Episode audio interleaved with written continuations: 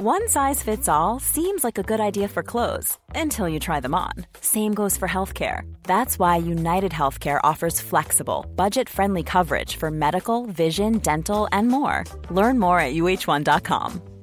When you're ready to pop the question, the last thing you want to do is second guess the ring. At Bluenile.com, you can design a one of a kind ring with the ease and convenience of shopping online. Choose your diamond and setting. When you find the one, you'll get it delivered right to your door. Go to Bluenile.com and use promo code LISTEN to get $50 off your purchase of $500 or more. That's code LISTEN at Bluenile.com for $50 off your purchase. Bluenile.com code LISTEN. Many of us have those stubborn pounds that seem impossible to lose, no matter how good we eat or how hard we work out. My solution is PlushCare. PlushCare is a leading telehealth provider with doctors who are there for you day and night to partner with you in your weight loss journey. They can prescribe FDA-approved weight loss medications like Wagovi and Zepbound for those who qualify. Plus, they accept most insurance plans. To get started, visit plushcare.com slash weight loss. That's plushcare.com slash weight loss. Det är också bra eh, att Blåvitt Gais inte kommer i den sista Ja. så att eh, båda troligtvis ändå har allt att spela Ja, för. ja jävlar vilken eh, Ja, succélottning.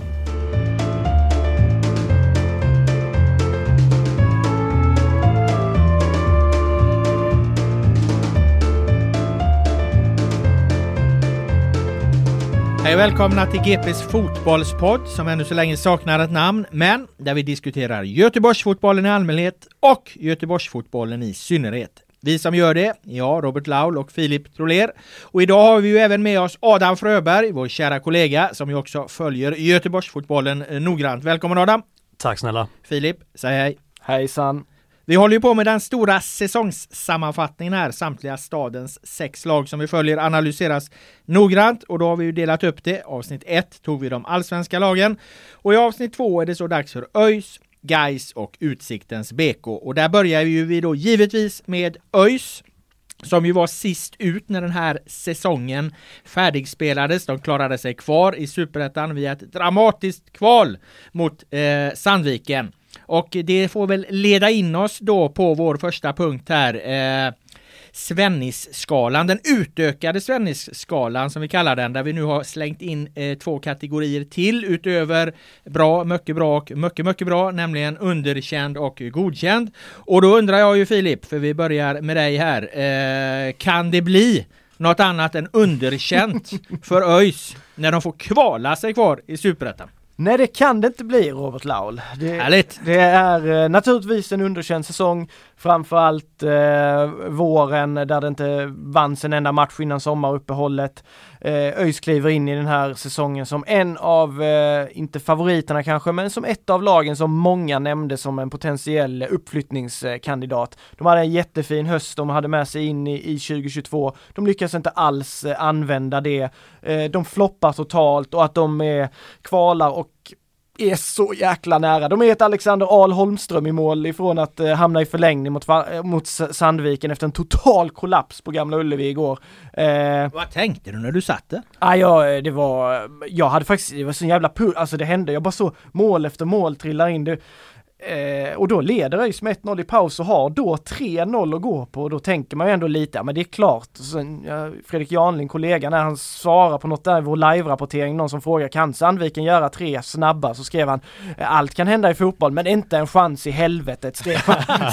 så, så, det fick han, det fick han, Jinxa snabbt det fick han jinxa sönder där. Men eh, ändå starkt att de redde ut det, men det hjälper inte betyget för hela säsongen. Den är underkänd. Har du någon eh, annan eh, eh, inställning där Adam, än att det är underkänt för ÖIS? Ja men det är såklart att det är underkänt. Av förklarliga skäl. Upphasade inför säsongen och en stark superettan-trupp men tvingas kvala sig kvar. Det finns inget annat än underkänt. Bra, då är vi rörande överens där alla tre. Jag har nämligen inget annat heller att säga. Eh, antydde jag ju inledningsvis där också. Eh, när det kommer till ögonblick eh, så har vi kanske lite skilda syner däremot. Eh, Filip, vilket eh, ögonblick skulle du då säga definierar den här underkända ÖIS-säsongen allra bäst? Eller har du något helt personligt ögonblick som du tycker är viktigt att nämna? Nej men det, det finns väl två delar i det här, ett ögonblick kanske man inte ska kalla det men eh, för det var under en vecka, men det var en, en vecka eller en och en halv vecka i, i, i våras där sportchef Igor Krull försvann på ett först och sen så gick det bara någon förlustmatch eller två Eh, en stortorsk mot Brage och sen ett kryss mot Norrby så var det dags för Dan Ivarsson och Johan Mattsson att, försvinna. Eh, så den där kaosveckan är väl ändå mycket det man kommer tänka på när man tänker på ÖIS 2022 och allt som hände, allt hur, hur fint det var. Jag kommer ihåg jag skrev någon artikel inför säsongen när ÖIS har inte mått bättre på evighet och sen var det som att de har inte mått sämre än på evigheter där en bit in. Eh, har du fått den skickad till dig några gånger under säsongen? ja, någon gång är det så, som jag i alla fall sett den figurera i flödet så här vad fan var det här, hur kunde vi tro på detta och sådär. Men, men eh, så den veckan kommer man väl tänka på. Men sen bara om jag ska ändå vill plocka en match så måste jag plocka gårdagens drabbning eller ja vi får, får, får kalla söndagens drabbning då, jag vet inte när denna podden släpps eh, på Gamla Ullevi. För det var det var ÖIS säsong i en match. De leder med 1-0, ser stabila ut och det ser ändå bra ut. Och sen kommer ett baklängesmål, blir 1-1 och det blir totalt, de bara rasar samman, blir nervösa och allt vad försvarsspel heter bara försvinner. Eh, och så ändå så lyckas de då med Alexander Ahl Holmströms mål få in det där målet som gör att de hänger kvar. Och så har det många gånger varit. De har varit så nere i skiten, det har varit kaos och så här, men de har lyckats ta sig kravlande över vattenytan till slut liksom. Eh, så, så den matchen, om jag ska nämna en match, men annars kommer det vara kaosveckan från i våras. Adam, vilket är ditt eh, ÖIS ögonblick 2022? Ja, det är ett sliding doors moment i IFK Göteborg-segmentet och jag kommer även lyfta in ett här också och det är ÖIS första match för säsongen. Omgång ett möter topptippade Halmstad på hemmaplan. Ett upphåsat ÖIS som eh, många tror ska vara med och tampas där uppe med just Halmstad. Leder med 2-0, står för en väldigt bra insats. Kommer till 86 minuten, släpper in 1-2, kommer till 90 släpper in 2-2 och får egentligen extremt svårt att resa sig ifrån det sen. Vinst där säsongen hade möjligen sett annorlunda ut. Mm. Eh, det där var faktiskt mitt ögonblick också, fast egentligen inte riktigt mitt för att jag frågade, vi har en öisare på en redaktör här på redaktionen eh, som, som följer ÖIS eh, eh no, noggrant som supporter. Eh, han, jag frågade, vad, vad, liksom, vad, ta ett, ge mig ett ögonblick, vad, hur, hur har du känt? Liksom, han nämnde precis just den Halmstad-matchen, eh, så här, den första liksom premiären och så leder med 2-0, allt ser bra ut och så tappar de och så när man ser hur säsongen då blev liksom. Och så knyter det ju, det knyter ju rätt fint ihop till säcken där Filip får man ju säga då, men första matchen var sån och den sista var också sån liksom. Så ja. det, det, är ju verkligen, det är verkligen de två matcherna ramar ju in det Det är året, ju faktiskt liksom. så. Det är ju faktiskt så och, och den matchen också på sättet målen kommer, alltså den första halvleken, jag och kollega Linus Pettersson som har flytt vidare till Expressen och svikit oss, han, vi satt där på Bravida Arena och såg den här premiären efter 45 minuter så sa vi de går fan upp i år alltså. De spelar skiten av Halmstad. Ja de var. Alltså, de, de, de går alltså, upp i år, det är klassiskt de, de, de, var otroligt jävla bra. Och sen så kommer den där matchen, eller andra halvlek då, och de, och de rasar ihop i slutet. Mikael Boman naturligtvis är den som trycker in 2-2 där. Eh, så eh, Ja, det är väl absolut så att det, och det är faktiskt spelare som också har pratat om det nu när vi har sökt förklaringar till hur, hur kunde det bli så här, så var det några som ändå,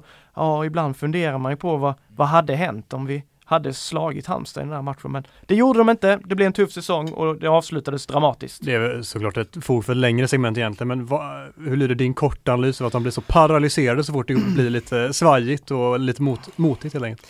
Ja, jag vet, alltså det är så otroligt svårt att säga. I, i, I våras tyckte jag det var en annan typ, då tyckte jag det var att de var för mjäkiga, att det var lite att det spred sig med det här ledarskapet där de alltid pratade process, det var inte så mycket resultat. Det blev lite naivt, det var alldeles för naivt långa stunder och, och då åker man på en förlust mot Brage borta med 4-0 och du blir helt avklädd. Alltså sånt sätter ju spår. Sen blir du ju livrädd när, när du då får, får en ledning, så åh herregud, nu är vi på väg mot första segern här de var ju ja, jag tyckte det förändrades efter att den första segern kom mot Örebro. De har varit sköra även efter det, men då har de också kunnat vara jävligt mentalt starka i många lägen. Så, eh, men det är jättesvårt att liksom peka på exakt vad det var som, som gjorde att det, det gick åt helvete och att det har varit så svajigt mentalt. Jag tänker att, eh, att eftersom det har varit en genomgående genom hela säsongen egentligen då, så, så om man tänker på vad Dane stod för med, med, med den här liksom väldigt passningsorienterade fotbollen, att man kanske tittade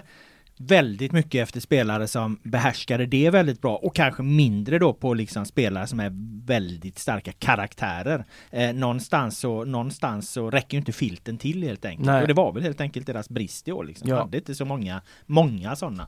Nej det saknades lite av det, sen tycker jag det är några som tar de kliven under hösten när det är liksom blåser som hårdast, typ som Arvid Brorsson, Kevin Ackerman. Det är sådana som går i bräschen, Marcus Haglin Sangré växer också då. Men, men tidigare, det var ju Sargon Abraham, alltså det är en skicklig bollspelare som trillar boll, men det är ju inte den karaktären du håller i när, när det blåser liksom. Så eh, bra, bra eh, inspel där. Ja, eh, vad tycker du då Filip Öis har gjort ändå som bör hyllas? Om det nu finns någonting den här, det här året. Har de liksom, eh, om man lyfter blicken och tar det övergripande till att börja med då. Eh, har de gjort någonting som de verkligen kan ta med sig här nu till, till, till nästa säsong? Och vad är det då de, eh, utöver den här liksom eh, eh svajigheten i att tappa resultat, vad är det de kapitalt har misslyckats med?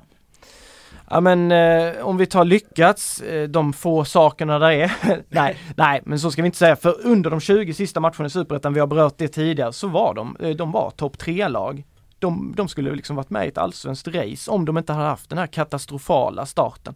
Så på det sättet, alltså tränarrekryteringen Brynjar, jag har haft åsikter om hans liksom spelfilosofi och hur det har sett ut rent spelmässigt under, under höst och sommar. Men det är ju ingen som kan säga något eh, annat än att den rekryteringen blev jävligt lyckad. Han måste ha rätt bra stats va? Om Han har ner det. alltså otroliga stats. Han har ju stats för att, eh, som är på nivå med ett lag som går upp till allsvenskan. Eh, och det är ju ruskigt imponerande att de hittar honom och, och får in han och att han kan bygga den karaktären. För jag tycker laget fick mycket mer karaktär. Så eh, det är ju en punkt också sättet hur de faktiskt ligger du sist efter tio omgångar, du har inte vunnit en enda match. Då måste du också ha mental styrka för att klara av det och att behålla det lugnet som de ändå klarade av. Det tycker jag de har gjort bra. Och sen tycker jag också att arbetet vid sidan, sidan om med ekonomi och sådär, där har det ju hela tiden varit en trygghet och där har ÖIS under många år gjort det bra och det har de gjort även 2022. Eh, liksom tagit kliv där, så det är väl plussen då. Sen misslyckandet, ja, det, det är väl egentligen allt det andra då egentligen. Nej men eh, helheten, eh, att man började snurra runt alldeles för mycket när det kom till till förändringar, rockader i märkliga tidpunkter, en sportchef sparkas efter en derbyförlust mot Utsikten, de kommenterar inte det på, på lång, lång tid, det blir utrymme för massvis av spekulationer, sen ryktas det om Erik Hamrén in, Dan Ivarsson känns som en levande död liksom under sina sista veckor på posten, det var eh, liksom bara på ett personligt plan tragiskt att se faktiskt, alltså Dane, eh, ja men bara se han, hur, hur det kändes som att han bara gick runt där uppe och bara ja men min tid är över här men jag bara är kvar här som någon jävla Det kändes ju uppgivet. Ja men det kändes verkligen uppgivet. Och jag tycker kommunikationen där var uselt, jag, jag tycker eh, det har hattats för mycket, det har inte funnits någon riktigt tydlig så. Hade inte spelarna och Brynja tagit sig samman på det sättet som de klarar av att göra, då har det inte liksom funnits någon riktig linje utan det har varit högt och lågt, högt och lågt. Och sen eh, annat de har misslyckats med också, det här har vi har varit inne på flera gånger, att de får inte publik till sina matcher. Det kom 3800 nu på hemmamatchen, det är väl okej, men det var kanske 25 öisar som var med uppe i Sandviken även om förutsättningarna för att åka upp dit var svåra och sådär så säger det ändå någonting. Det där riktiga hardcore, de, de har inte kommit fram. De har svårt att få dem till matcherna och de slutar på ett publiksnitt på 1900. Gais har betydligt, eller ändå klart bättre i, i ettan. Sen har de haft en framgångsrik säsong men ÖIS har svårt på den fronten så det är inte bara ute på plan det varit jobbigt. Ja, det var en heltäckande Ja, jävlar det. jävlar i mig Ja. det. Har du något ens att tillföra här Adam? Nej, men inte egentligen. Och misslyckanden känns som att Filip har stått för eh, en bra redogörelse. Och jag vill bara egentligen fylla i liksom att det som ändå är, är starkt och bör hyllas åtminstone lite grann, eller mycket i slutändan, är att det är dåligt att sätta sig i sitsen från första början, men att de reser sig från den. Alltså de har, de vinner inte en match på första elva matcherna, reser därifrån, gör en kanonhöst i mångt och mycket. Och sen även nu i sista matchen som du säger, då får de jättemotgång i andra halvlek, släpper in tre snabba mot Sandviken och supporterna, spelarna själva ser framför sig liksom shit nu, Mm. nu händer det liksom. Mm. Och ändå så på något sätt, oavsett hur det ser ut, så reder de ut och löser, löser det liksom. Och det, det ska ändå få en, en liten guldstjärna i kanten. Eh, bra. Eh, Filip, årets bästa spelare i ÖIS och vem var, vilken spelare var egentligen den, bäst, den största floppen? Eh, för mig var Isak Dahlqvist, han är årets spelare utan, utan tvekan vill jag till och med påstå. Han fick inte göra många minuter under Dan Ivarsson trots att det var så mycket snack i vintras när vi liksom luskade i det här hur det gick när Blåvitt släppte honom till ÖIS så var det många som sa så här, det där är Dan Ivarssons, det är hans absoluta drömspelare, Isak Dahlqvist. Sen så får han ändå inte spela någonting. Jag vet att Dane var så här, han ville processa in honom i ÖIS och det är ju, det var ett väldigt extremt spelsätt man kom till när man kom till Dane Ivarssons ÖIS. Så det var väl lite det och Isak Dahlqvist är en ung kille liksom. Så det var väl kanske att han han hade en plan för honom men den låg lite längre fram. Eh, sen när det då inte funkar med det laget som, som var, då var det många som började ropa på Isak Dahlqvist. Brynja släppte fram honom efter ett tag och när han väl blev framsläppt så var han den bästa spelaren eh, under hela hösten, gjorde många viktiga mål. Otrolig i pressspelet, helt fantastiskt där, har betytt så mycket för deras försvarsspel och har också den här jävla karaktären i spelet, inte den som hörs och syns och sådär, men i spelet, helvete vad han jobbar, vilka, han springer in i varenda situation, glidtacklar, han är en liten kille liksom, men ändå, nej, skön karaktär, han har varit eh, årets spelare i ÖIS för mig. Det var den längsta och största hyllningen Isak Dahlqvist någonsin har fått Så i sitt vara. liv tror jag. Ja, jag kommer nog fortsätta hylla honom för det, det, eh, det, ja. ta, det tackar han för tror jag. Eh, han men, värd. ha- har du lika, lika utförlig om årets flopp? Eh, nej, kanske inte, men jag tycker att med de förväntningarna man borde kunna ha på Sargon Abraham när han kommer till en superettan-miljö så tycker jag att han spelmässigt var en stor besvikelse. Han har gjort kaos eh, i superettan förut, han har vunnit skytteligan i superettan Mm. förut, varit i Degerfors, varit kung där, misslyckades i Blåvitt, misslyckades när han kom hem till Degerfors och sen så kom han till ÖIS och jag tänkte också att, ja men fan det här kommer ju passa bra. Men han blev såklart också ganska präglad av den dåliga eh, dåliga våren och att det sen var ett helt annat ÖIS än vad han tänkte sig eh, under resten av säsongen. Men han gör fyra mål, sen har han jättestora skadeproblem här under hösten. Det finns förklaringar, men han, han var väl den stora floppen, men det finns många som var stora besvikelser. Vi kan dra in Anel Rashkai, Niklas Bärkroth hade vi hoppats på mer. Ja, många, men Sargon var väl den som kanske stack ut lite grann ändå. Adam, vad har du? Uh, väldigt, väldigt likt. Jag uh, håller helt med om Sargon. Jag trodde på betydligt mer uh, från honom med tanke på det du nämner också att han har vunnit superettans skytteliga tidigare och visar sig vara en väldigt, väldigt bra superettan-spelare om än inte en väldigt bra allsvensk spelare så eh, en typ av spelare som ligger någonstans däremellan och trodde det skulle funka väldigt bra. Just det gjorde det verkligen inte i år. Isak Dahlqvist har varit bäst. Du nämnde Bärkroth där också som eh, att liksom det blir inte allt vad de trodde och det blev det ju inte. Men jag tycker också i perioder att man ser vilken jävla klassspelare det också är i superettan. Absolut. Så där finns ju ett jättesparkapital. Men Isak Dahlqvist absolut bäst. Och det förvånar mig lite också. Jag har sett honom en hel del i Blåvitt tidigare och det är ingen som har färgat mest där liksom på något sätt. Så att han skulle vara så bra i en superettan-kontext redan den här sången också. Det, det trodde jag inte och det ska han ha en eloge för också. Jättebra sång av honom. Mm.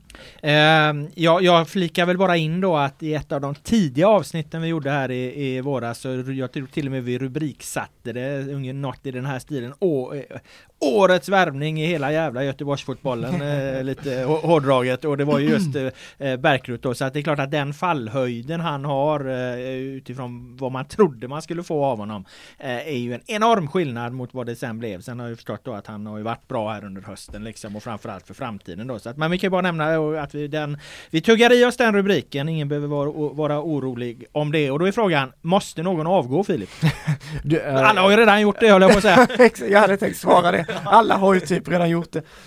Igor Krulli är borta, Dan Ivarsson är borta, assisterande tränare Johan Mattsson är borta. Niklas Albeck, klubbchef, kommer att lämna. Han har varit med bara på sidan av här de sista månaderna. Han kommer inte, kommer inte vara kvar som klubbchef. Eh, så ska, ska vi plocka ordförande Skånberg då också, på menar du? Ja. Eh, nej men så här, eh, för säsongen i stort och eh, sådär, eh, Ytterst yttersta är ju ordförande Per Skånberg, så om man bara tittar på resultat och sådär så skulle man väl mycket väl kunna peka på att ja, har, har du verkligen gett rätt förutsättningar? Jag tycker också att han med flera eh, skötte inte helt den här kommunikationen i, i våras eh, så bra som jag tycker att de ändå kunde ha gjort för dem. Han har ju annars gett ett jättekompetent intryck tycker jag och, och de har känt så himla sammansvetsade och sådär men det känns som att de blir lite Ja, men jag tror inte de var riktigt vana vid att det skulle kunna storma upp så här och så läckte det ut med Krulj och det blev liksom stegen kom fel där och jag tror det blev lite stökigt för dem. Men alltså jag kan inte här och nu säga att jag tycker att någon mer ska avgå. Det vore bara sämre för ÖIS. Det är bättre nu att försöka samla styrkorna och det och sätt de rollerna ni ska sätta för det finns jättemycket som är oklart men jag vet inte, vi kanske ska återkomma till det. Jag tycker inte någon ska avgå. Jag tycker att eventuellt, eh, sen är det frågan vilka som ska avgå, men eh, min avgå är eh, stormen kring eh, Elias Gustafsson. Han fick inte spela nu den här sista matchen. Här. Det Han var inte med i truppen. Nej, det tyckte jag de kollektivt ÖIS hanterade. Det var en skitsak som de hanterade eh, dåligt så att det fick större konsekvenser i kombination med, med, med de supportrarna som gapar för mycket om den här eh, liran som uttalar sig första där liksom och istället för att dämpa situationen vred på den då. Så att där, där kan vi säkert hitta ett par, par man som kan gå. Har du några Adam? Nej jag tänkte faktiskt de facto lyfta Elias Gustafsson grejen så jag kopierar ditt svar och håller med. Ja, vad bra. Ni hittar, du hittar alltid avgå alltså. Fan, alltså, vi får se om vi klarar det här avsnittet du, du har ju satt på med den hatten så ja, jag får ju försöka göra det bästa. Eh, vad behöver göras för framtiden nu då? Det är hel, hel jävla del där. Jag ska leda in dig på en tanke jag har där bara se om du, om du håller med om den. Mm. Men alltså, eh, vad heter han, eh, Werner han pratar om IFK Göteborg måste välja väg. Jag tänker ÖIS måste väl handla enormt mycket om att välja väg. För det var ju så otroligt tydligt det här med, med, med, med du skrev ju om de här manualerna och det lirande sällskapet och allt det. Hur, hur de hade lagt upp allting efter en viss utstagad väg. Vad fan står de i det där nu liksom? Vad, fan är, vad är de på väg någonstans? Och, eh, vad, vad bör de göra helt enkelt? Nej men lirarna, det här lirarnas lag och exakt de manualerna vi pratade om. Hela föreningen var i symbios verkligen i vintras. Jag har nästan aldrig varit med om i Göteborgsfotbollen att en förening har känt så i symbios med varandra med allting, liksom historiken, spelsätt, tränare, allt. Allt var på plats. Eh, nu efter den här säsongen, nu står vi bara i ett enda vakuum här eller en enda stort frågetecken. Brynja Gunnarsson står ju för en fotboll som inte alls liksom eh, kopplar ihop med ÖIS historia och vad ÖIS ska vara och sådär. Men samtidigt har den ju visat sig vara vägvinnande och poängskapande. Ehm, så det handlar väl väldigt mycket om att de måste sätta sig här nu och på riktigt bestämma sig ännu mer än vad jag tycker i Blåvitts fall. Alltså, ska, hur ska vi ta oss vidare här framåt? Vem ska vara vår tränare? De har en klubbchefsposition som är tom. Där måste någon ersätta. Andreas Karlsson har haft en tillförordnad här. Han kommer inte vara det, utan han kommer vara fotbollsansvarig för herrlag, damlag, akademi. Eh, de ska rekrytera en chefscout som ska jobba väldigt nära tränare och Andreas då. Så det är jättemånga pusselbitar i organisationen som måste komma på plats och där måste man börja. Sen när det gäller truppen så är det ganska, ganska mycket färdigt. Det är 18 spelare som har kontrakt nu när de hängde kvar. Det hade varit helt annorlunda om de hade åkt ur. Eh, det är ju bra. Ja, det är ju bra. Men samtidigt, absolut, det är, det är jättebra med superettan-mått mätt. Så där har de ju en framförhållning. Men samtidigt är det också en del kontrakt med spelare där som inte har motsvarat förväntningarna. Eh, Elias Gustafsson är ju en sån som inte har motsvarat förväntningarna och, och eh, där är flera, Viktor Lundberg nu har gjort ju viktiga mål här, han sitter på långt kontrakt. Är han rätt man att vara liksom första anfallare och så vidare och så vidare. Det finns mycket att ta i men börja med att sätta organisationen och välj vilken väg ni ska, ni ska ha. Mm. Adam, har du något uh, måste göra här och nu? Ja men Filip säger det väldigt bra här och alltså, truppen är ju inte kattpiss att vara i Superettan.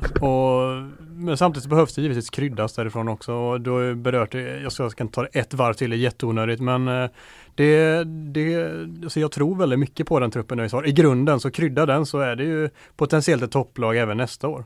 Ja, absolut. Alltså eh, inför då, som de pratar om det inför i år, så skulle den kunna vara det även inför nästa år. Ja, precis. Och så jobba med mentala, för helvete. Få inte den här starten igen. In med karaktären, ja. säger jag då. Det är ja. mitt, in med några riktiga, du pratade om pannben på Gustav Norlin i ett tidigare avsnitt. Ja, alltså det, ja. det, värva, värva ett pannben av eh, Norlin-kvalitet. Ja, ja, och, och, och, ja, in med någon sån riktig jävel, typ Norlin, Falsetas gubbe. Alltså jag, jag säger inte Falseta så, men den typen. Ja, det är väl perfekt för fan. Ja, men alltså, han lämnar ju Helsingborg ja. här nu. Han kommer ja. ut, han är ute i liksom, han är ju, ser ut en plats i det mittfältet på håll i Häcken Men däremot gör ju skulle han ja. kanon. Ja men han skulle nog kunna och det är ju Kevin Ackerman omgärdas ju av mycket flytt, flyttrykten och Kevin är ju en sån som som har exakt det där pannbenet och han eh, förtjänar också ett litet extra omnämnande för hur han har klivit fram 21 år gammal och varit hjärtat och, och motorn och den som kanske har varit mest det där. Men försvinner han, ja, Falsetas in där kanske. Falsetas klar.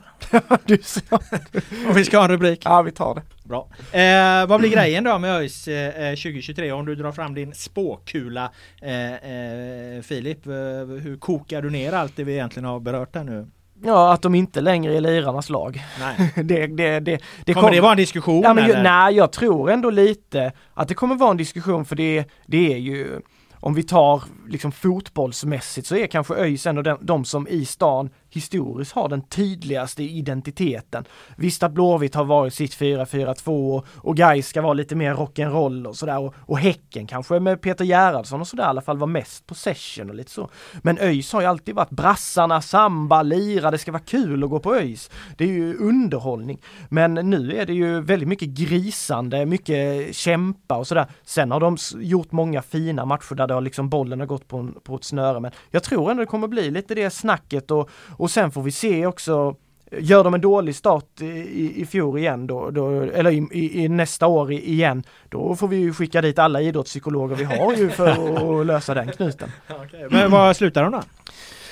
Adam har ju levererat i ja, jag, senaste jag vet, jag vet, jag vet, exakta ja, tips ja. här på saker och ting. Så jag, vill höra ja, men med, jag vill ha en siffra. Ja, ja, det vill du alltid ha. Jag, jag, kommer inte få säga någonting här innan du kommer. Siffra!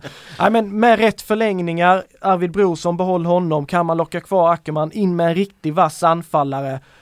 Då har de en trupp som absolut ska kunna vara på över halva. Men jag säger väl sexa, sjua, sjua säger jag. Mm, bra. Adam? Med Bärkroth helt så slutar de eh, femma. Men eh, framförallt för ÖISarnas del så kommer de sluta för Geis och det tror jag de är väldigt glada över. Det var ju ingen dålig eh, radioövergång eh, för att jag tänkte nämligen att vi skulle stänga igen butiken här med, med eh, gå över just till eh, eh Gais och då ledde du in oss väldigt fint på, på detta eh, Adam där genom att konstatera att ÖIS slutar i alla fall före Gais 2023. Det är så spetsigt så att jag ser ingen anledning att invända emot det.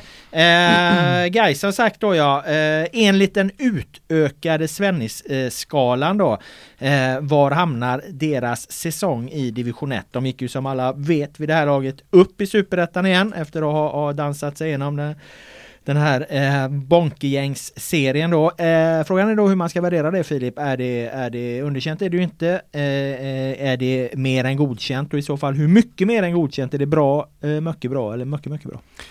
Eh, jag tar i så jag spricker. Eh, jag tycker att det är mycket, mycket bra. Ah, ska de inte bara göra det här då? Det kan man tycka, men om du tar aspekten med var guys kommer ifrån, hur deras historik både på långt perspektiv och framförallt i det korta, korta perspektivet, där det har varit så mycket elände, så mycket turbulens.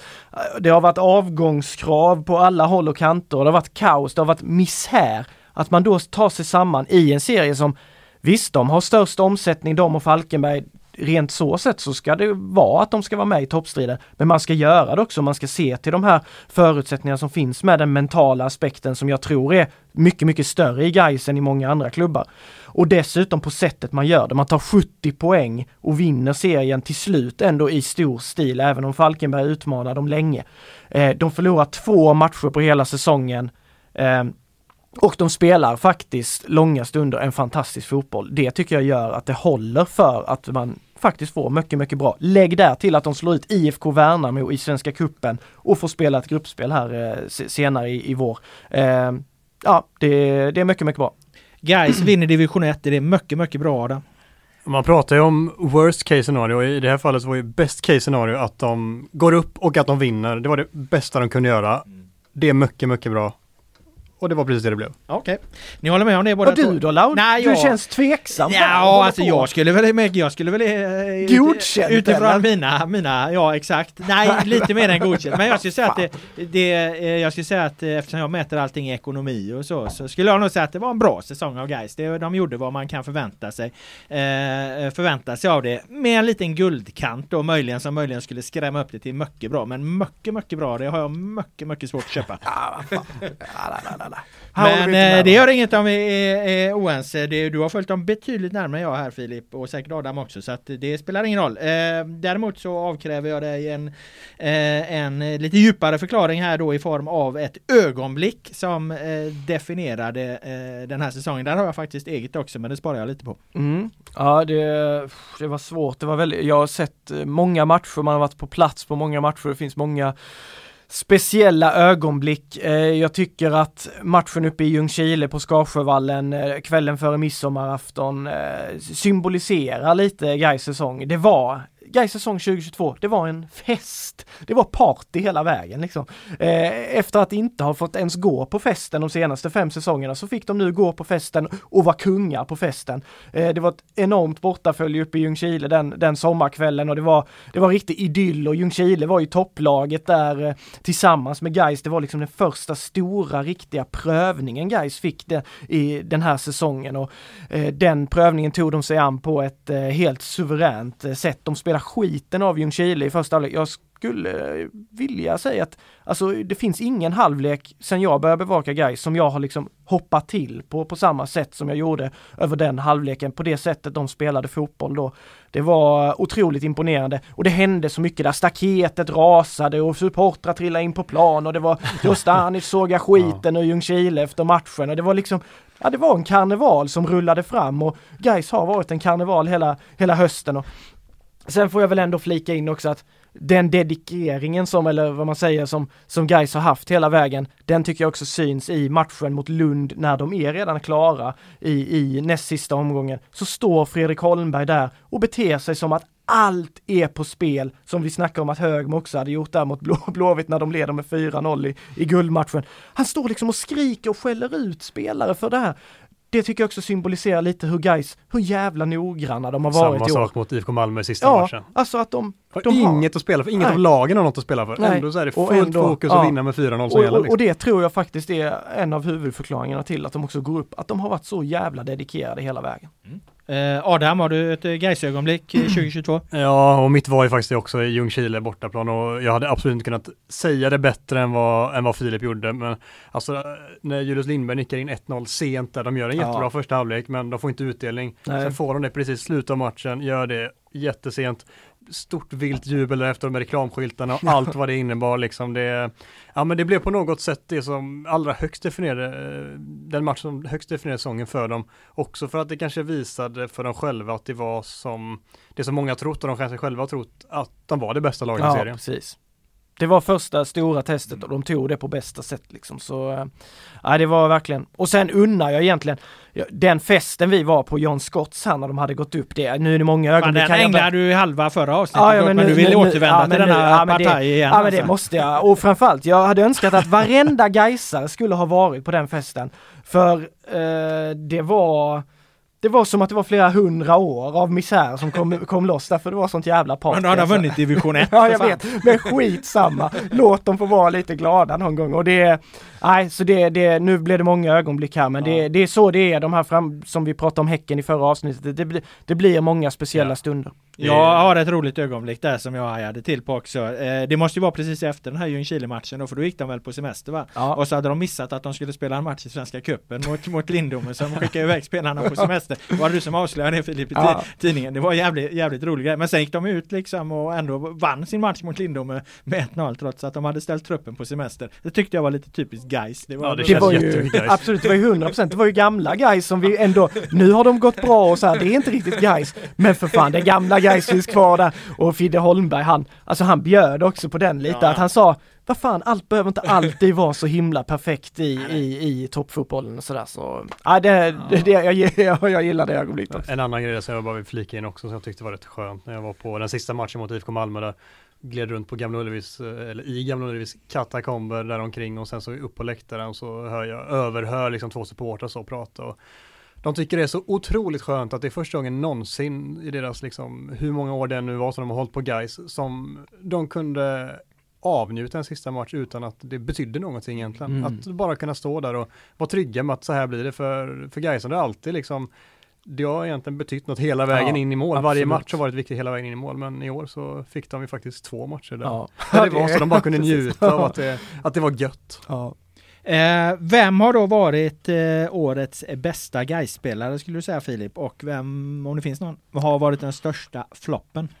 Ja, när det gäller att ta ut den bästa så är det det är sjukt svårt alltså. Eh, där, är, där är många om budet men om jag ändå ska välja en så väljer jag nog faktiskt Emin Grostanic. Eh, Eh, det var mycket rykten om honom i vintras att han skulle till ÖIS och han skulle lämna och han var en av de som inte skulle följa med ner.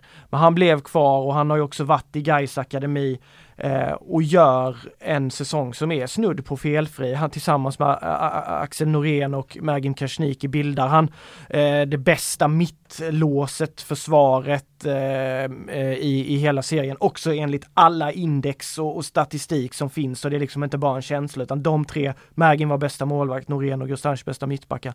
Och Gustanic han, han gav, han ger laget så mycket, dels i sitt försvarsspel, han är liksom pansar där och sen, sen har han sin uppspelsfot, den här vänsterfoten som är en så stor nyckel i deras anfallsspel. Och sen är han deras ledare, det är han som tar sångerna, det är han som sjunger och liksom hjärtat det pumpar grönsvart i hans bröst.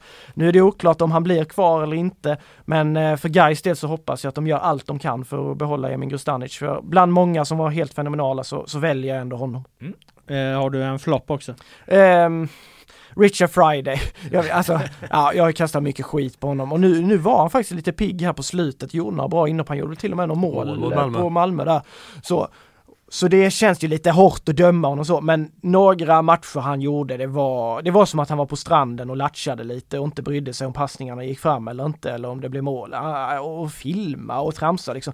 Eh, och så hade han, han var ju inlånad under våren och sen så kom han på, fick han skriva ett längre kontrakt, det längsta i hela truppen helt plötsligt och då blev man ju lite såhär, vad, vad håller de på med? Så jag, jag, jag tror väl mer på honom nästa år helt klart, men i år så känner jag väl ändå att han var en liten besvikelse. Du som har sett alla guys matcher då, jag har inte sett alla, men eh, känns det inte som att en spelare som Ben Morris har mer i sig också än vad han fått ut? Ja, i våras så tyckte jag han var nästan lite tvärtom, att han överträffade alla förväntningar och, och, och han har haft några tuffa år med skador och sådär, så så sett tyckte jag han var, han var grym då, han var ju hur bra som helst. Det är ju en kille som också har spelat i Englands u landslag mm. liksom varit en ganska upphåsad spelare i Englands ungdomsled.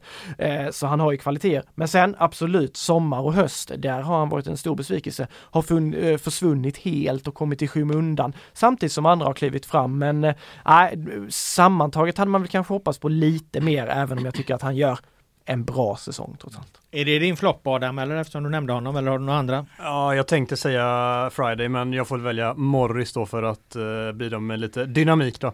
Men uh, den som jag tycker varit bäst, det är ju, Filip har lyft de flesta, men jag vill även lyfta Harun Ibrahim som har stått för en väldigt, väldigt uh, imponerande säsong sjukt mångsidig och det syns att det finns en hög nivå i honom. Det är lätt att förstå att det finns intresse från allsvenskan för en sån spelare.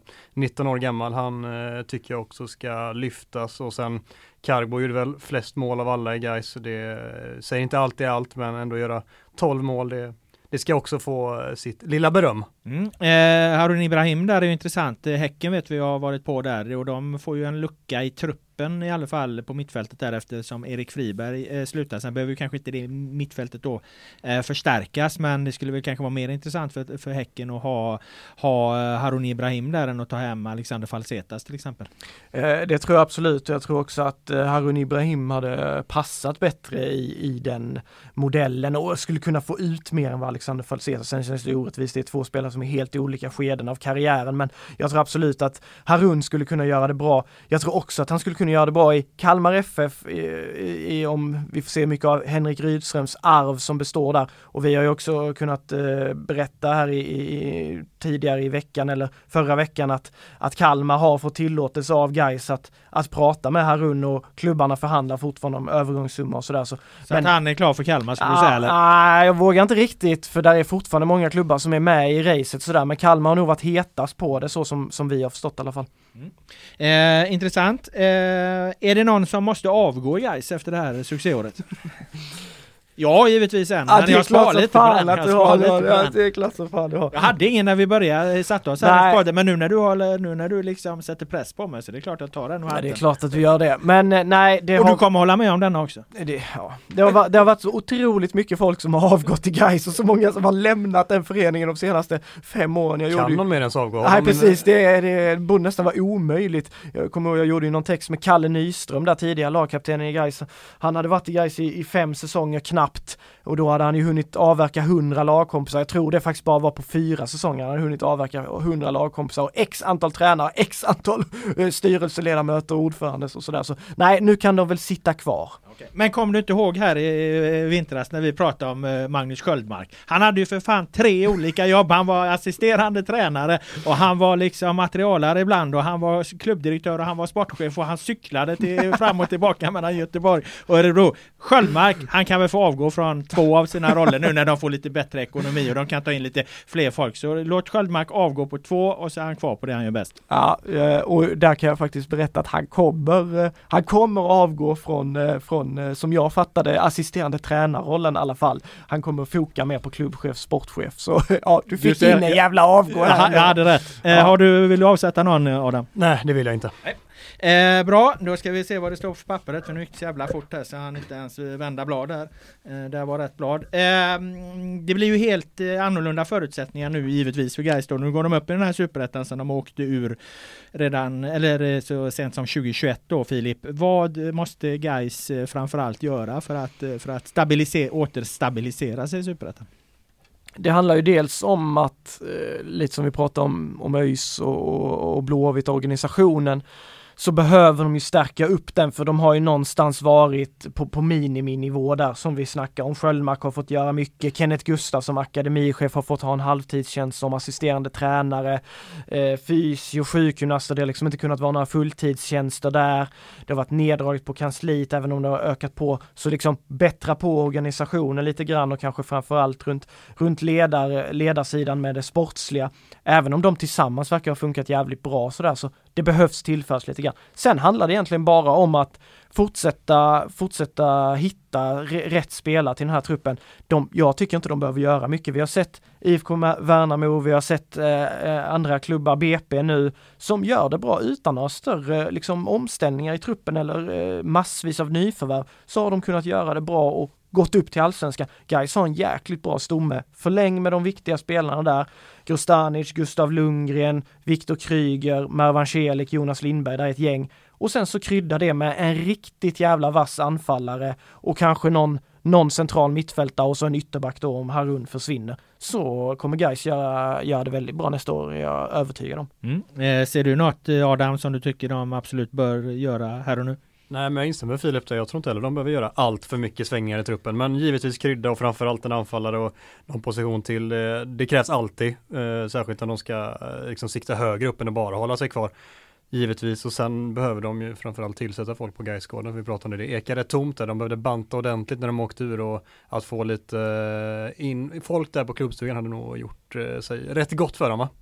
Ja absolut, det, det, har bättrats på här lite. De anställde någon eh, eh, Johanna där under hösten eh, så de är nog uppe i fyra tjänster, inte riktigt fulltid sådär men det har ju varit eftersatt under många år, även under superettan-åren att de har varit tunna där och det har varit många som har fått ja, dra tunga lass ideellt liksom. Fyra tjänster? Ja, det har de inte mer alltså? Nej, det tror jag Alltså det var fan, var Blåvitt 40 eller? Ja, ja, alltså, det, ja det är enorma skillnader alltså. Ja, det är, så, så det är jäkla, det är många som har fått dra ett sjukt tungt last där och det syns ju också en sån som Erik Bergqvist tidigare klubbchef, han Alltså han fick ju lägga hela sitt liv i guys för att bara få det att gå runt liksom, så de behöver på sikt absolut eh, stötta och bygga upp kansliet starkare. Det tror jag är oerhört viktigt för att jag menar du kan inte driva en elitverksamhet i längden eh, på, på, på det numeräret liksom. Det, det, det har jag mycket svårt att se. Nej, nej men så är det och de har ju räddats av att många har då gjort ideella, alltså sån som ordförande då, Roland Blomström, han har också liksom tagit någon slags säkerhetsansvar under året och de, de i styrelsen har fått olika poster liksom för att man ens ska klara av det och det är många andra vid sidan av dem som har engagerat sig ideellt och Eh, men absolut, det kommer inte hålla på sikt om man, om man vill bygga klubben. Mm. Eh, vad blir grejen med Geist då 2023 eh, om, om, om du får eh, spekulera helt fritt? Och hur går det framförallt eh, för dem när du ger mig en mm. siffra sen? ja precis, siffran, det ska, det ska du få.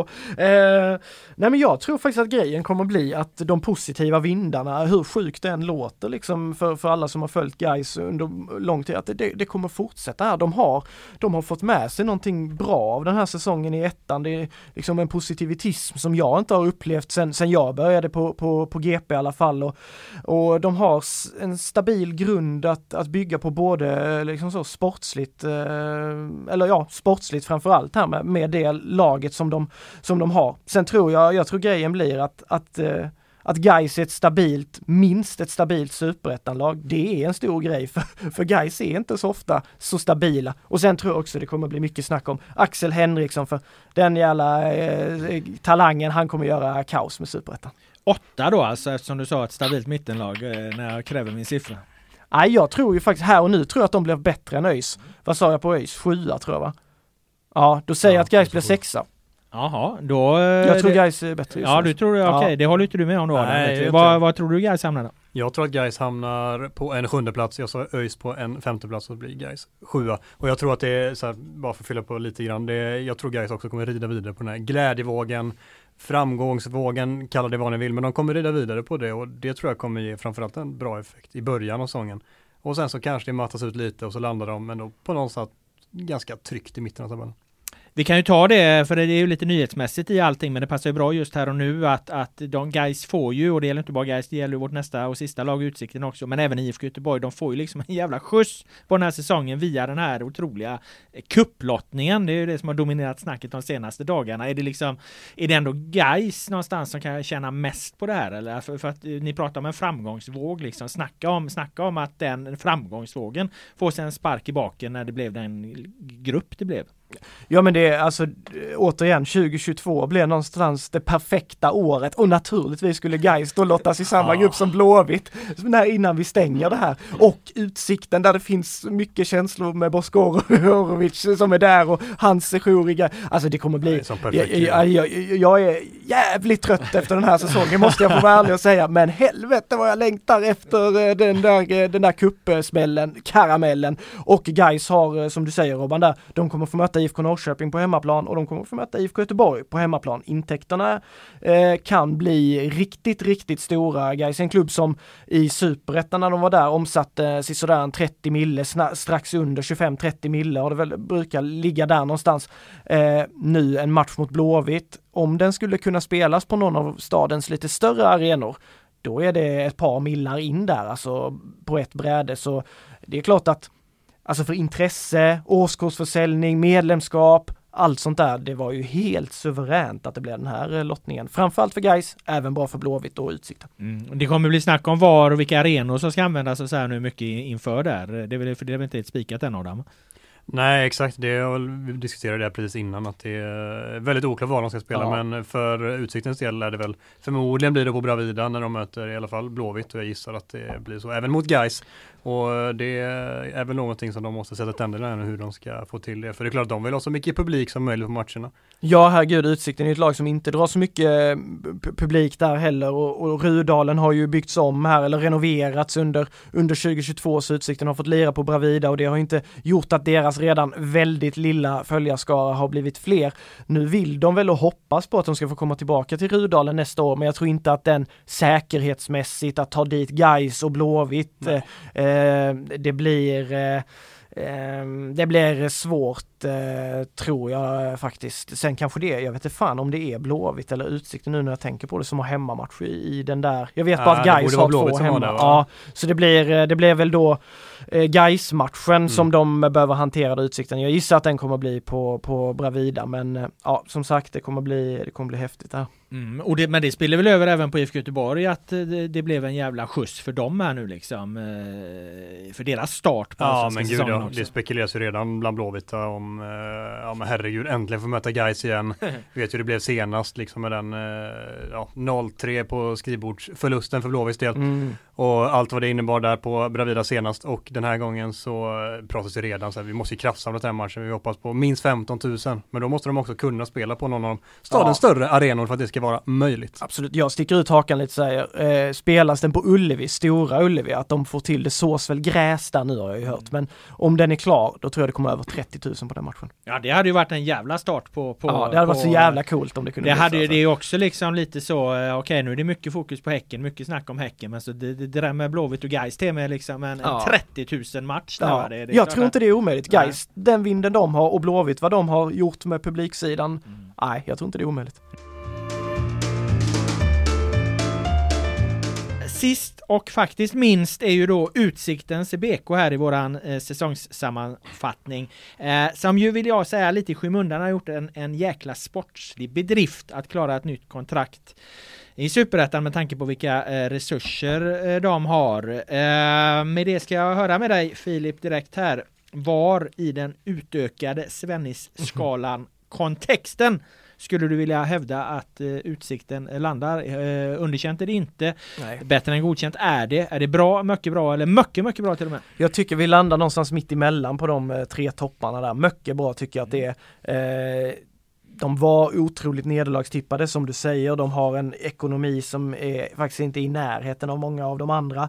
Eh, så eh, är det en jättebedrift. Det är första gången någonsin som Utsikten klarar av att hänga kvar i Superettan. De har varit där en gång tidigare, då åkte de ur direkt. Så det finns många aspekter som visar på att det är mycket bra tycker jag. Sen för att det skulle bli mycket, mycket bra, då tycker jag kanske att de skulle överträffa sina, liksom, eg, eh, överträffa sig själva ytterligare lite till eh, och kommit lite högre. Nu var det ju faktiskt darr på, på kontraktet ända in i slutomgångarna. Hade de fortsatt så som de gjorde i våras, då, då hade vi bara fått trycka fram mycket, mycket bra. Men de hade en lång dålig svit här under sommaren som, som tar det lite, men sammantaget, herregud, det var ju, det var väl bara jag kanske och någon mer som trodde att de skulle kunna hänga kvar. eh, jag, Bosko hävdade att jag inte trodde det, men jag vet att jag ja, trodde. Vi ska återkomma till, till Bosko eh, många gånger till innan det här är klart. Va? Men just nu ska jag bara säga att jag håller med om det mycket bra tycker jag. En, en rimlig nivå. Vad säger du Adam? Ja men verkligen. Eh, kort och koncist och tydligt. Eh, men då kan du få börja inleda här på våra nästa punkt då om du vill. Eh, ögonblick som definierade säsongen för eh, Utsikten. Vad, vad har du lagt märke till Adam? Jo men eh, jag har landat i en match som vi redan har berört pyttelite tidigare i det här avsnittet. Och det är Utsiktens 2-0 seger borta mot ÖIS i derbyt i slutet av maj där eh, Karl Bohm Bom briljerade och gjorde båda målen. Det är förvisso ett ÖIS som där och då eh, gick på knäna givetvis, men att Utsikten också då skulle komma dit och trycka in den kniven ännu djupare, det var en eh, match som verkligen stack ut under den säsongen. Mm, just det, den kommer, den kommer jag också ihåg där att det var en ÖIS var som allra, allra sämst liksom och så förlorade de till och med tyckte man ju då mot, mot Utsikten som ju eh, var betraktade allmänt som en, en slagpåse vid, vid, det, vid det tillfället. Eh, vad har du för ögonblick eh, Filip från säsongen? Ja, och de blir till och med förnedrade där kan vi nästan säga. Alltså Utsikten gjorde mm. vad de ville i den matchen. Verkligen. Ja, men eh, det som jag tycker symboliserar utsikten någonstans, det, det är väl kanske, kanske ändå hela det här Spanien-projektet liksom. Utsikten går ner i, i, i, i ettan, gör en jättefin säsong med de knappa medel man har och med det man, man gör in-house. Sen så när det då är klart och man tänker nu ska de i lugn och ro bygga vidare här, då drar de igång någon supersatsning med Magnus Perssons gäng nere i Veles och lä lägger ut scouting och spelarrekryteringar och hela kalaset på det. För mig kändes det som att visst, Gais är ju eh, kaosklubbarnas kaosklubb ibland, men Utsikten är ta med fan ännu mer kaosklubbarnas kaosklubb ibland och ganska ofta till och med. Och jag tycker det, det säger ändå någonting om vad Utsikten är för, för klubb så. Sen tycker jag att man kanske inte ska minnas säsongen för den grejen utan det ska man minnas för deras sportsliga bedrifter och då tycker jag väl att matchen uppemot BP på Grimsta där BP inte har förlorat en enda match när Utsikten kommer dit. Utsikten kommer dit, har inte vunnit en match på fan en evighet och jag tänkte herregud det blir 5-0 här och Utsikten trillar ner i tabellen och får minst kvala. Eh, Utsikten kliver fram där, gör en suverän insats och, och vinner den. Eh, lite på temat det här att överträffa alla, alla förväntningar. Det, det, gjorde de där och det gjorde de under hela säsongen. Jag har inget ögonblick på Utsikten, däremot ett ansikte. Jag tycker någonstans liksom att, att ett, en man, en person har tagit så enormt mycket plats i det här och att han har liksom ofta han varit arg eller rasande på all, någonting liksom ändå på ett Vem kan det vara? Jävligt liksom charmigt och underhållande sätt. Är det Karl Bom? men för mig är ju Bosko Orovic är ju en jävla symbol för den här, här, här klubben. Och har gjort det jävligt bra också, det måste man ju ge honom. Så att eh, eh Bosko är mitt, mitt eh, säsongslånga ögonblick ja, från, ja, från det här året alltså. Ja hel helvete som han, han, eh, som han brinner alltså när vi hade med han i podden här. Det är ju, det är ju en karaktär eh, utan dess like. Och eh, sådana personer tycker jag vi ska, ska faktiskt hylla lite grann och vara varsamma om i fotboll. Han kan vara vansinnigt på det ibland när, när han ut, uttalar sig och sådär men på det stora hela så, så sätter han färg på stadens fotboll och, och intresset här. Ja, Mm. och det han framförallt gjorde, om jag får konkret, ska konkretisera det då, det är ju att, alltså att eh, han, han, han omsatte ju verkligen det här underdog-perspektivet. Fan vad han utnyttjade att de var tippade sist på den här Ja, ja, ja. äh, galan där, eller på vad heter det, försäsong, Upptaktsträffen, liksom. Det, det, det liksom. Han la ju skulden till och med på de som inte hade tippat dem där liksom.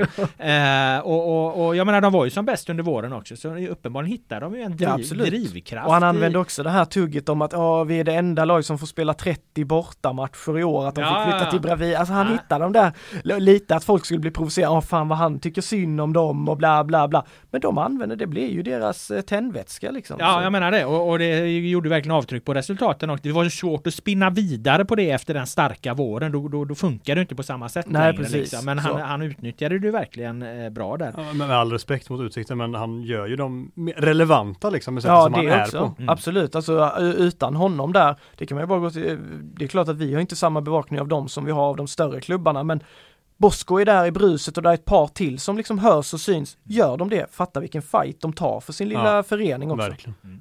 Eh, Bosko i all ära, men vi har ju eh, bästa spelare och eh, största floppen. Eh, Filip, vad, vilka hamnar på de utmärkelserna i, i din bok? Eh, där är mm, flera spelare som man skulle kunna lyfta, råskinnet, Jesper Brandt skulle man kunna lyfta men jag väljer ändå Man kortficka? Ja, det har du kanske inte på Nej det har jag fan inte Nej. men det, det blir ju ett rött i alla fall. Vi slog ju vad med. Linus inför säsongen. Han tyckte ju att vi fel etikerade honom att han var ett råskinn men han fick ett rött. eh, Så, så Ja, bra, tog vi hem den också mot Linus. Precis, precis. Eh, nej men jag tycker Albin Skoglund, han har varit en eh, poängmaskin, eh, han kom aldrig riktigt loss i, i, i BK Häcken, han var utlånad till ÖISen sejour, har kommit ner i etta, kom ner i ettan, hittade tryggheten, eh, fick det stora förtroendet, har fått en perfekt roll liksom där han ligger mellan mittfält och anfall eh, den här säsongen och väldigt dynamisk spelare, poängstark spelare som jag sett över hela säsongen är han den jag tycker bidrar mest hela tiden. Karl Bom har kanske haft högre toppar men jag tycker att Albin Skoglund var, var bäst oftast eller vad man ska säga. Mm. Flopp då? Eh, ja, jag har ju sågat honom hela året, den här stackars målvakten Florian Palmovski som kom, kom in i somras. Så jag vet inte om jag ska trycka till han en sista gång, det känns onödigt. Jag säger faktiskt att floppen är hela det här VLS-projektet. Det är noll av de spelarna som Aniebo, Vega, Ovori, alltså det är inte någon av dem som har gjort något vettigt. Gori drog hem efter att ha hamnat i någon slags twist med Bosko där, han vägrade eh, spela försvarsspel eller något sånt där säger ryktena i alla fall. Eh, så det är ju, det är ju tokflopp det där ju. Ja. Eh, Adam? Ja men flopp eh, har jag, jag känner att jag har sett Utsikten för lite för att kunna eh, peka ut en, en flopp. Men av de matcherna jag har sett under säsongen så är eh, Karl Bom, som jag nästan har nämnt för många i det här avsnittet redan, men jag tycker att han har varit bäst i Utsikten och det är en spelare som har varit runt i alla Göteborgsklubbar utom ÖIS som jag inte missminner mig. Och inte riktigt fått det att stämma, väl andra sessionen i Utsikten till och med varit eh, här tidigare och så inte riktigt, i alla fall kunnat färga i Superettan tidigare. Gjorde en kanonsäsong i ettan förra året när de gick upp och eh, är framförallt under våren riktigt bra i år. Men eh, dippar lite under hösten men jag tycker på, eh, ja men sammantaget så är han ändå deras bästa spelare i år. Mm.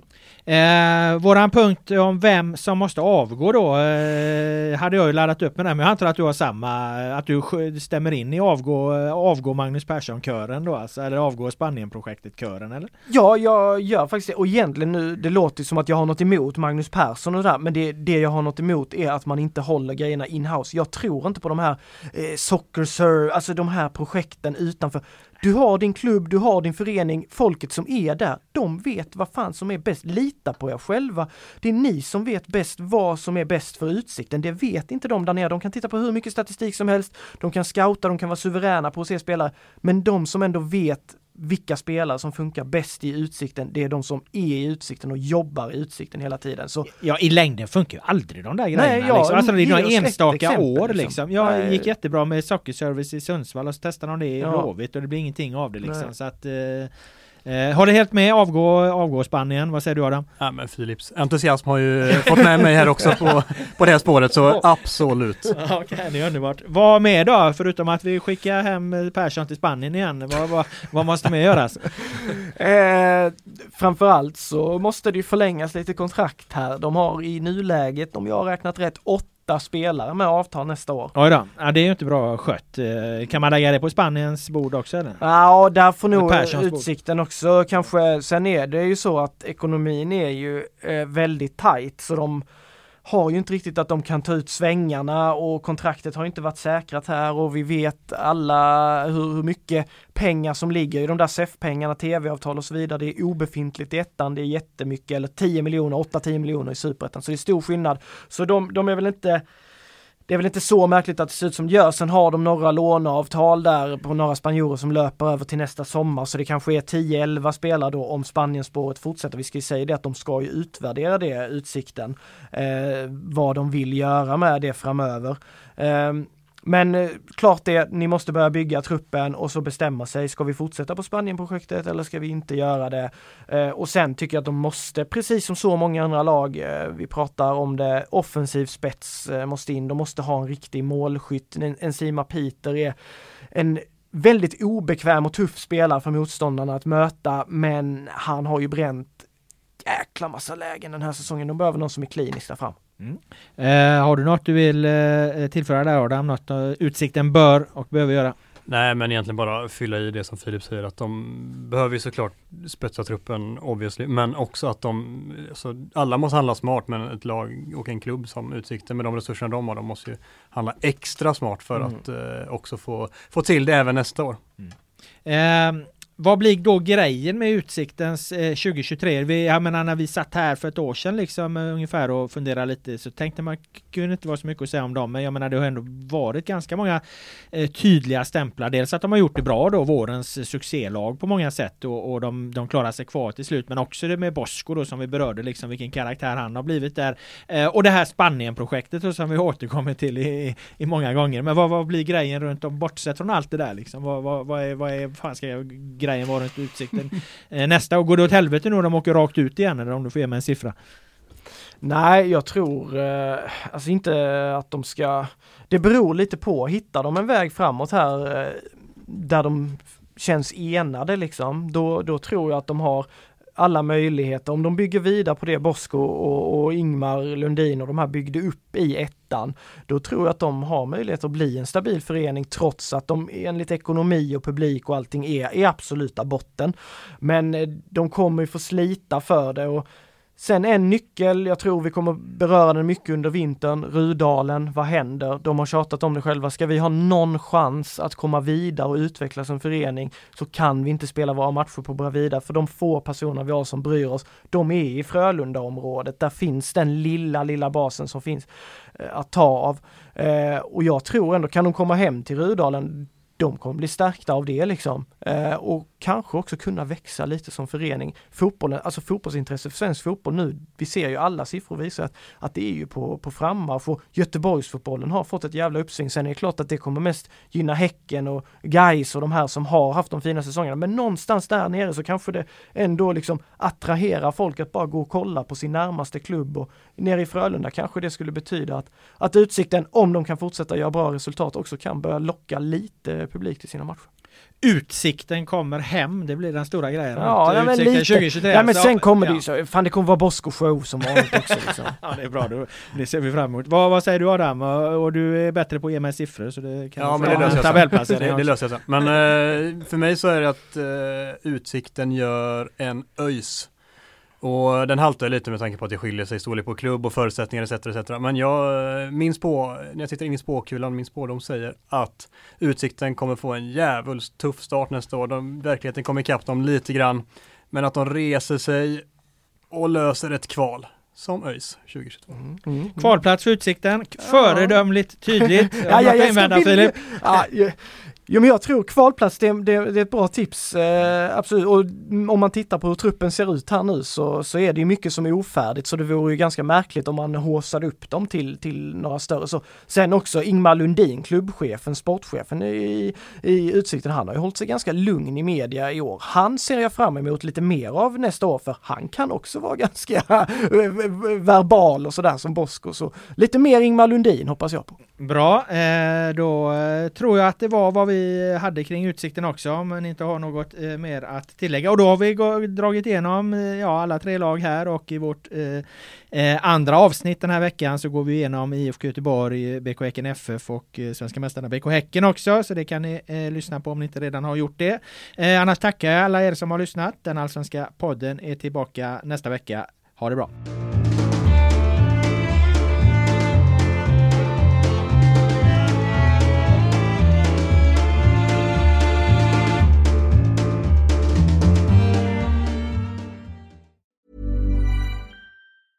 Planning for your next trip? Elevate your travel style with Quince. Quince has all the jet setting essentials you'll want for your next getaway, like European linen, premium luggage options, buttery soft Italian leather bags, and so much more. And is all priced at 50 to 80% less than similar brands. Plus, Quince only works with factories that use safe and ethical manufacturing practices. Pack your bags with high-quality essentials you'll be wearing for vacations to come with Quince. Go to quince.com slash pack for free shipping and 365-day returns.